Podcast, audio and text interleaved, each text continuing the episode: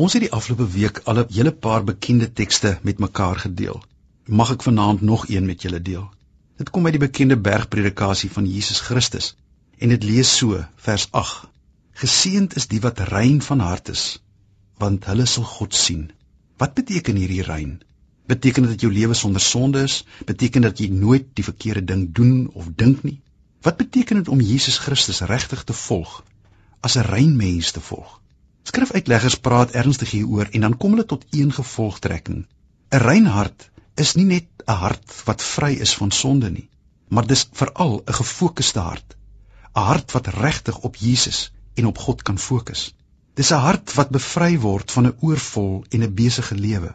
Ja, daar is 'n klomp doodsondes in die lewe en daaroor het die ou kerkvaders al geskryf. Daar's dinge soos die donker kante van geld en seks en mag en daaroor het skrywers al geskryf. Maar die een ding waaroor ons dalk te min skryf is die sonde om te besig te wees.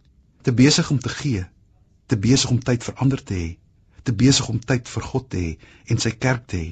Ja, 'n oorvol en 'n besige lewe.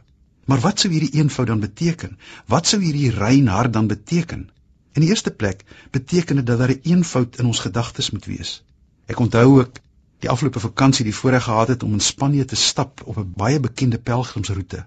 Vir 10 dae was daar net ek en 'n paar vriende in 'n rugsak, eenvoudige kos en 'n bed. 'n Eenvoudige lewe. Op 'n ander soortige manier was dit 'n heilige stap vir my, omdat die eenvoud daarin vir my nader aan God gebring het, my denke gesuiwer het, my denke gehelp fokus het. En daarom die tweede, dat daar 'n eenvoud in ons fokus sal kom. Ja, ons lewens is gevul met 1001 dinge, Maar kan ons regtig sê dat ons gefokus is op Jesus Christus, op sy koninkryk, op sy wil wat hy vir ons wil gee? Kan ons regtig sê dat die 25 dinge wat elke dag so ons agenda vul, regtig sinvol en prioriteit en behoort te wees? Of kan ons eerlik sê dat daar 'n eenvoud in fokus is? Die derde is, en ek sou veel meer kon sê, maar die derde is 'n eenvoud in skoonheid.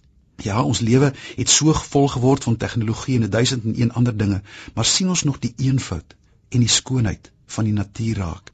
Jesus Christus het hom dikwels self afgesonder, juis in die natuur, juis in hierdie skoonheid, om te fokus, om 'n een eenvoud in sy gedagtes te kry, 'n gerigtheid op God. En liewe vriende, in daardie plek, op daardie punt, groei daar 'n nuwe vrede. Mag God jou help om die duisend en een dinge wat ons lewenswêreld so vul, 'n bietjie eenkant toe te skuif en regtig op hom te fokus en mag jy hierdie vrede dan ervaar. Kom ons bid saam. Liewe Here, my gebed is net dat U ons gedagtes rustiger maak deur dit werklik op U te fokus in hierdie aand. Jesus Christus, opgestane Here, ons wil ons hele wese graag op U rig. Amen.